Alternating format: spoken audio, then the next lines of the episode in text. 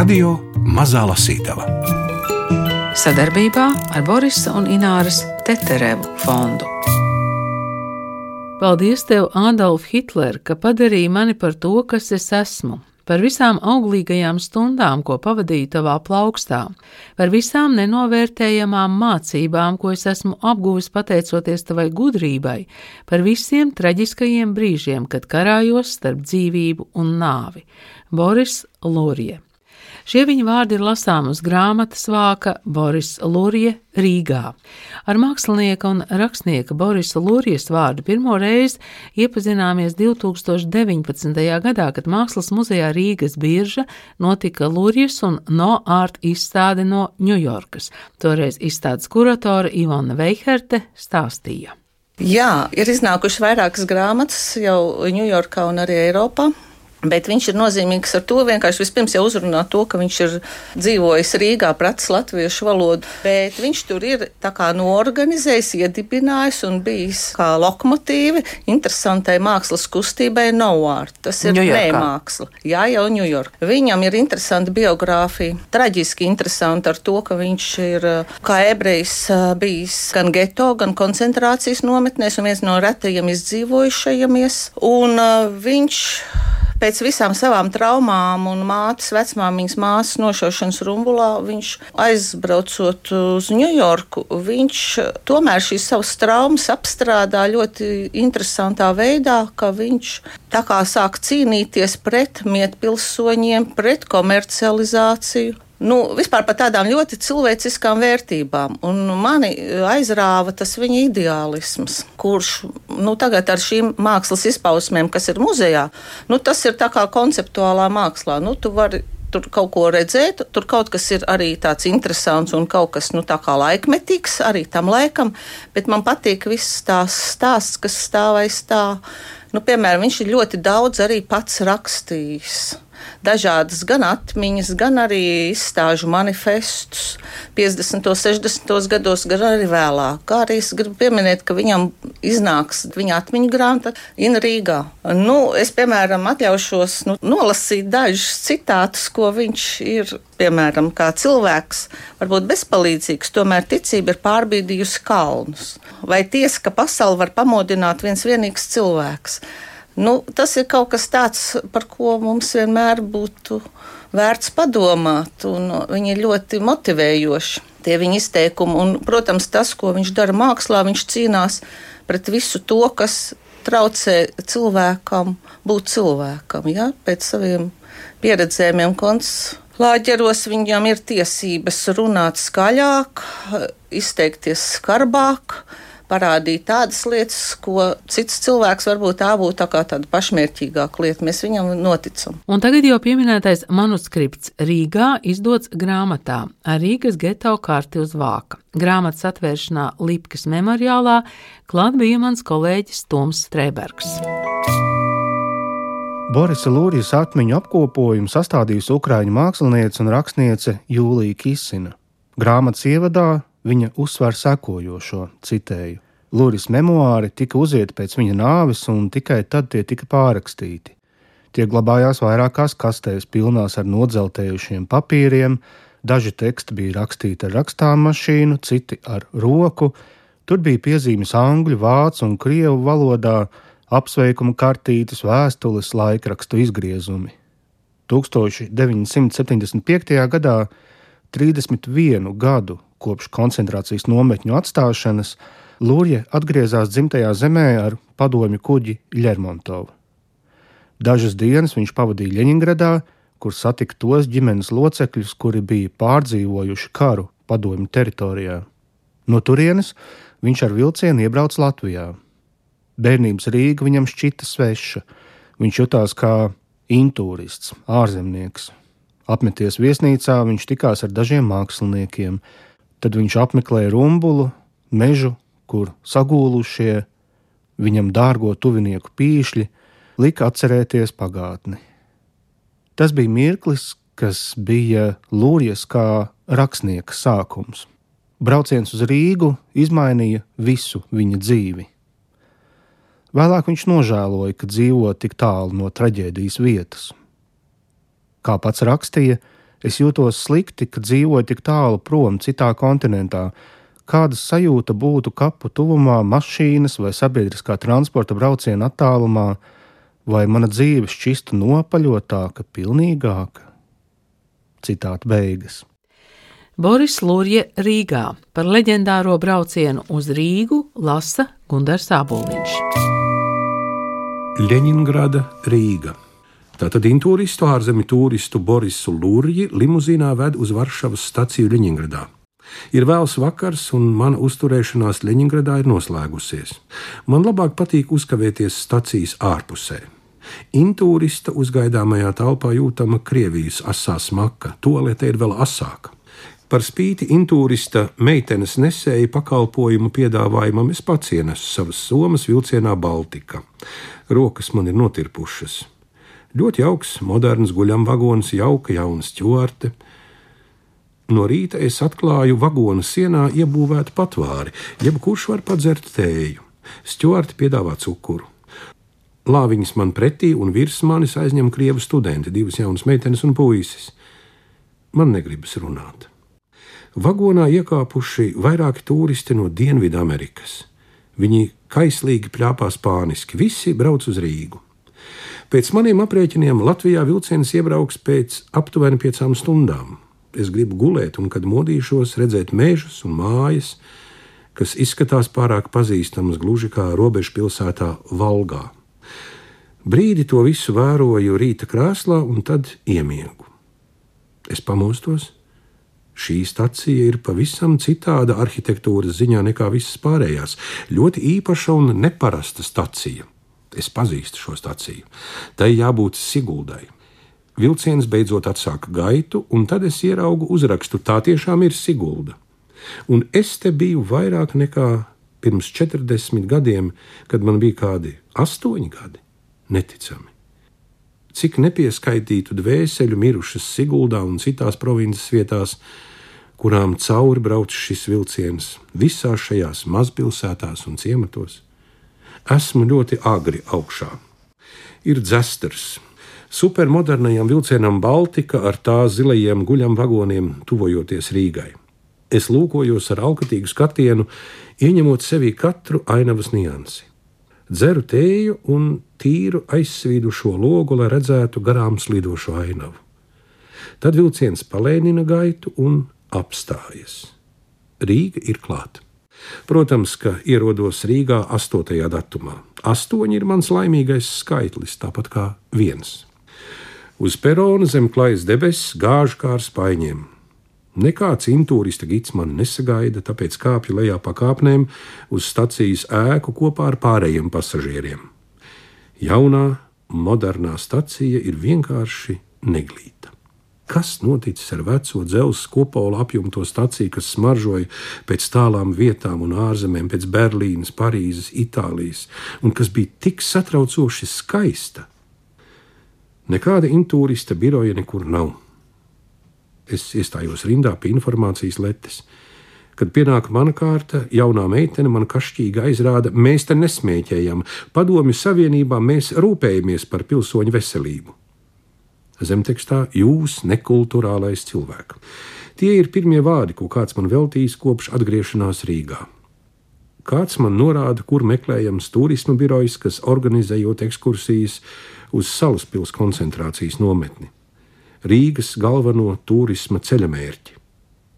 Esmu jau tur bijis 1944. gadā.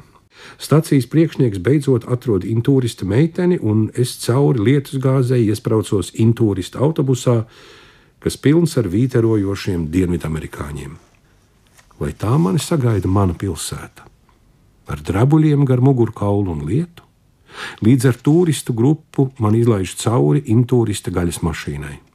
Es skatos laukā pa autobusa logu un redzu, ka tā tiešām eksistē. Mana Rīga. Redzu policijas prefektūru, kas okupācijas gados bija šausmu vieta. Redzu pastu, kas tagad vairs nedarbojas, operas nams, cik maziņš tas tagad izskatās, salīdzinot ar manām bērnības atmiņām.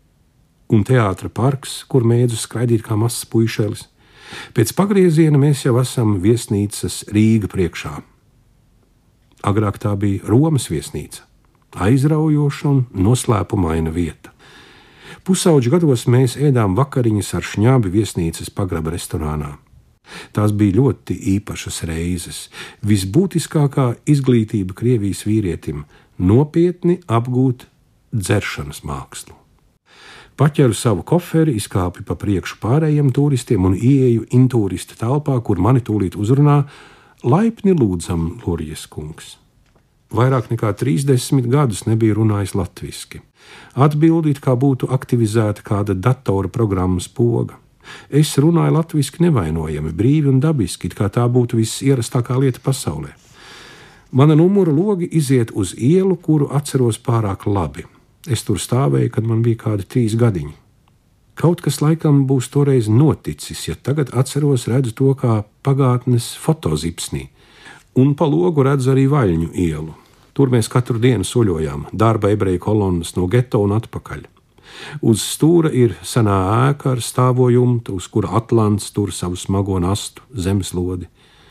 Aizēju uz bijušo armijas ekonomisko veikalu, gardēžu paradīzi, kur gāja mātei līdz pirkt Rīgas žāvēto lasi un Kanādas bekonu. Tie abi bija neticami garšīgi uz baltmaizes ar sviestu.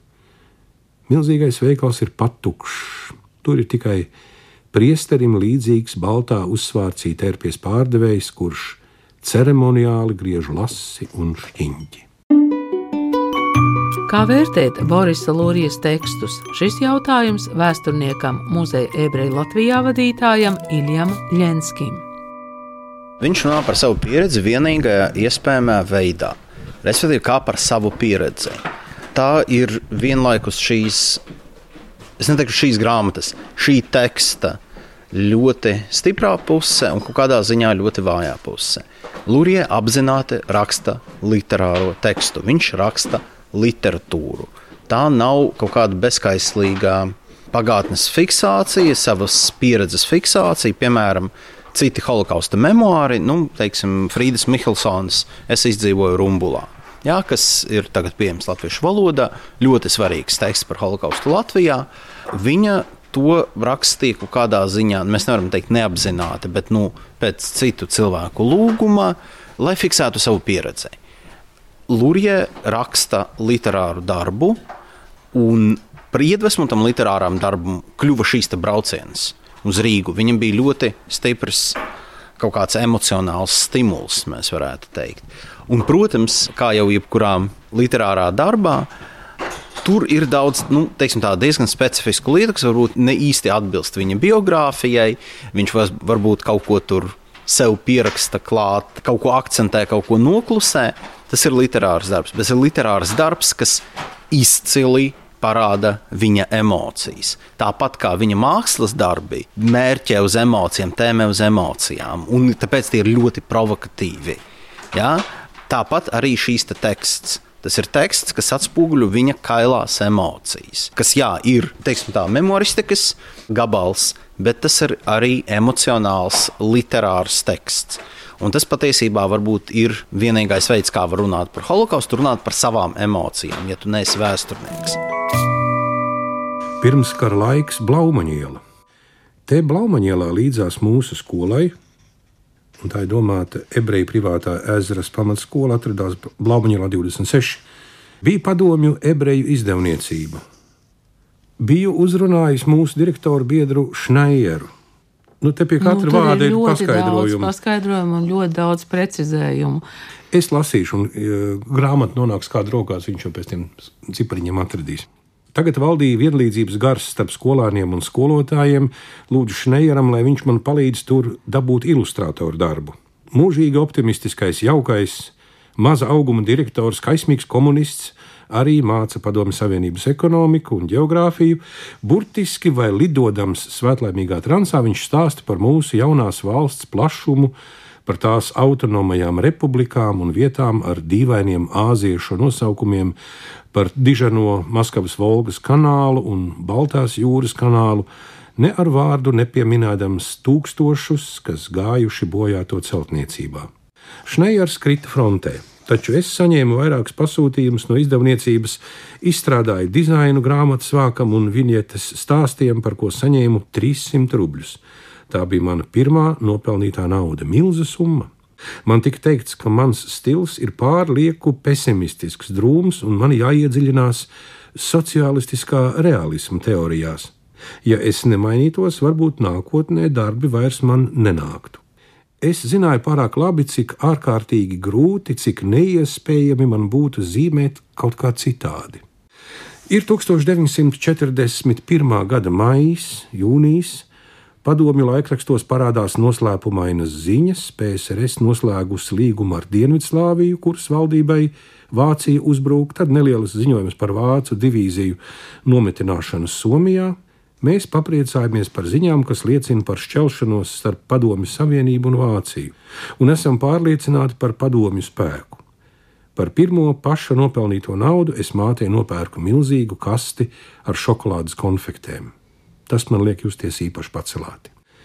Tēvs vairs nav tik ietekmīgs, viņa bizness ir nacionalizēts, un viņš dzīvo bailēs, ka viņu varētu panākt vecie Leņņģeradas grēki. Baidās no mapes NKVD, VDK priekštecis tumšā birojā, kuru nejauši varētu uziet kāds anonīms ierēdnis. Viņš labi zina, kāds liktenis padomju savienībā gaida bijušos uzņēmējus arī bez šīs Leņņģeradas mapes. Bez tam viņš jūtas kā neveiksminieks, jo ir slikti izskaidrojis, kā varētu risināties notikumi. Viņš palaidis garām iespēju emigrēt uz Palestīnu vai ASV, iekams sarkanā armija noslēdz visus ceļus uz ārpasauli. Kopā ar citiem uzņēmējiem viņš izveidojis nelielu rūpalu, karteli, kur tūbiņās tiek iepildīta zobu pasta. Viņi mēģina nerāgoties acīs, lai viņus liktu mierā. Mūsu īrnieks, padomi pulkvedis, piedāvā tēvam sagādas priekšnieka amatu tanku rūpnīcā, kuras celtniecībā viņš piedalās. Viņš tiek maigi, pateicīgi atraidīts.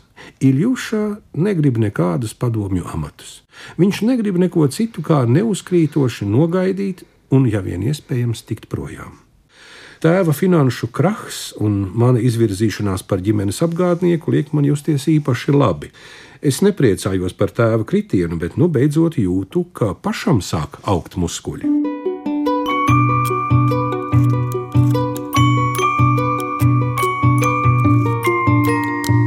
Radio Mazā Lasītava Izdevums Boris Lurija Rīgā tapis Žaņa Lipkes memoriālam sadarbojoties ar Borisa Lurijas mākslas fondu, stāsta Lipkes memoriāla vadītāja Lolita Tomsone. Man liekas, ļoti saistoši tas, ka Boris Lūrija jau kad viņš ir izveidojis mākslinieks Ņujorkā. Viņš neraksta atmiņu stāstus ne par holokaustu, ne pirmskara Rīgu, ne savu ģimeni, kur viņu mātes sūta pie jungiāņu psihoterapeita, un viņi piespiež viņu būt par veģetārieti, un viss tas viņa stāsts. Viņš nesaņemas viņu rakstīt. Līdz viņš neapmeklēja Rīgu 75. gadā, un acīm redzot, tas ir tāds spēcīgs uh, impulss Viņš sāk rakstīt gan par eh, savu ģimeni, par vecmāmiņu, par kaut kādu dīvainu onkuli, kas viņam ir, gan visas savas tādas erotiskās eh, fantāzijas atmiņas, ka viņš ir pusauga puika un kā viņš atcerās Ezdras skolu. Ezdras skola ir ebreju skola Rīgā, kurā bija ļoti daudzi arī diezgan pārtikuši un izglītoti skolēni, daļa no kurām ir no smalkām ģimenēm, bet viņš mācījās kopā ar Maģeru Vestermanu, piemēram, un ar Valentīnu Freimani. Viņi bija ļoti tur visi interesēti politiski un sekoja līdzi tam, kas notiek pasaulē, līdz tā pasaule sabruka. Padomju okupācijas laikā viņi vēl atrodas Latvijā, bet tēvs zaudē, protams, tur īpašums un uzņēmums. Un līdz ar eh, nacistu varu Latvijā viņi, nu, kā ebreju ģimene, visi tiek um, deportēti uz eh, Rīgas geto. Un viņam patiesībā, ja tā mēs kā no putnu lidojuma skatāmies uz viņu dzīvi, tad viņam dzīvību izglāba tikai viņa. Tas brīnums, ka viņi izdzīvo abi ar tēvu četrās nometnēs, nu, gan geto, gan lentā, gan pēc tam tālāk, tur arī Buhenvaldē. Bet uh, viņa māma izlēma Rīgas geto, ka tēvam un Borisam ir jāiet uz to geto, kur tie ebreju strādnieki, tie vīrieši iet uz darbiem. Un viņi pārvācās ar māsu un veco māmu. Un Un tur arī starp viņiem ir Boris mīļotā meitene, un vispārēji paliek tajā geto, nu, kur uh, sievietes arī atrodas visām ģimenēm uz vietas. Un tieši tas, ka viņi nošķir šo ģimeni, Viņa tiek nogalināta kopā ar meitu un ļudu mīļoto Boris Rumbulā. Un Borisam ar tēvu ir iespēja izdzīvot, jo viņi ir pēc tam no geto ir nometnē Lentā, un tālāk ir kaut kādas iespējas vispār. Ja, ja tu nometnē izdzīvo, tad, tu, tad tev ir dot šī iespēja, jo, jo viņi varēja aiziet līdzi mātei, viņi varēja no Rīgas geto tas ceļš varēja būt vienkārši nāves ceļš. Un man šķiet ļoti, viņa atmiņās jūt to dziļo un tādu satriekto vainas apziņu par to, ka šis mammas lēmums to ģimeni sadalīt, patiesībā viņam ar tēvu saglabā dzīvību, un savukārt tās ģimenes sievietes visas ir uh, rumbulis tajā kapā. Un viņš arī par sevi raksta, tur, ka viņš ir uh, dzimis Leņņģeradā. Nu, viņš ir dzimis tur. Pēc tam ģimene atmūka, uh, bēgot no mm, revolūcijas uz Latviju. Un viņš ir audzis Latvijā, viņš zina latviešu valodu. Jo tā, viņš 75. gadā atbrauca atpakaļ, viņš aptiekā brīvi runā latviešu. Viņš, viņš teica, es nebiju latviešu runājis 30 gadus, un pēkšņi tā valoda viņš raksta, sāk plūst no manis. Viņš raksta, ka viņa sirds ir, un viņa mājas ir umbulā. Viņš jau par to domā. Kā viņš tad pamet? Vienīgo vietu, kur viņa māma un viņa ģimene ir umbula, kā viņš, nu, kā viņš tā aizbrauc atpakaļ uz Ameriku. Viņam tā darbnīca ir veidota kā Rīgas geto. Viņš uh, glezno naktīs, viņš jūtās droši tumsā, tāpēc ka koncentrācijas nometnēs visās tajās um, bija tās pārbaudas, bija vakaros, rītos, bet naktis bija tās īsais brīdis, kad tu esi puslīdz drošībā. Ņujorka. Vēl viens, varbūt izšķirošais faktors, kāpēc devos uz Ameriku, bija tas, ka mana māsa nesen bija uz turieni pārcēlusies no Itālijas. Un tad vēl tas, ka tēvs pavisam noteikti negribēja atgriezties Rīgā vai Leņņģeradā, no kurienes viņš visdrīzāk tiktu aizsūtīts uz Sibīriju. Ja es pasaulē būtu palicis viens, es būtu atgriezies Rīgā. Es apsvēru arī Palestīnas variantu, taču esmu diezgan drošs, ka būtu izšķīries par Rīgu. Māsas vīrs Dino, CIC, tas ir pretizlūkošanas korpuss, mūs atrada un mani pieņēma. Tad sekoja dienests amerikāņu armijā par tulku. Dzīvot ar īpaši privileģēto ASV armijas vienību bija tīrā paradīze, īsta leiputrija, ēdamā cik tik lien, mašīnas, freilenes, aizraujošs pretizlūkošanas darbs. Es kļuvu par lielu vīru. Mans vārds pārbiedātajiem vāciešiem bija likums, un tā nu savā vārgajā, holokausta un koncentrācijas nometņu iedragātajā 21 gadu veca bēbja prātā, es biju kļuvis par simtprocentīgu amerikāni. Es biju gluži tāds pats kā citi karavīri, kas gribēja doties mājās uz saldējumu zemi, kur valda nebeidzamas baudas un māksla. Mana liela vīra dzīve armijā bija tikai priekšēdienas. Es domāju, ka kopš tā brīža man nekas ļauns vairs nedraud, ka liktenis savā labvēlībā izraudzījis mani nebeidzamiem panākumiem un laimēji. Kad ierados Ņujorkā, es piepeši sajūtos kā svešinieks. Man nebija naudas. Bez naudas nevarēja tikt cauri metro turniketiem. Bez naudas nevarēja pat dabūt skūpstu no kādas Ņujorkas kuces. Pagāja aptuveni nedēļa, un māsa mani izmeta no sava dzīvokļa. Viņa teica, ka nevar tikt ar mani galā. Ilgu laiku es vēl mēģināju kļūt par simtprocentīgu amerikāni, nevis ebreju. Atlaidies uz matrača, klausīdamies Maskavas radio savā jaunajā īsviļņu aparātā, esmu gandrīz ekstāzē, iedomājoties, kā būtu to pašu staciju klausīties guļot gultā, Rīgā vai Maskavā. Ņujorka, Ļeņingrada, Rīga. Tās bija trīs pieturvietas mākslinieka un rakstnieka Borisa Lūrijas atmiņās. Šo raidījumu veidoja Gundars Āboliņš, Agita Bērziņa, Nora Mīts Papa un Ingvilda Strautmane.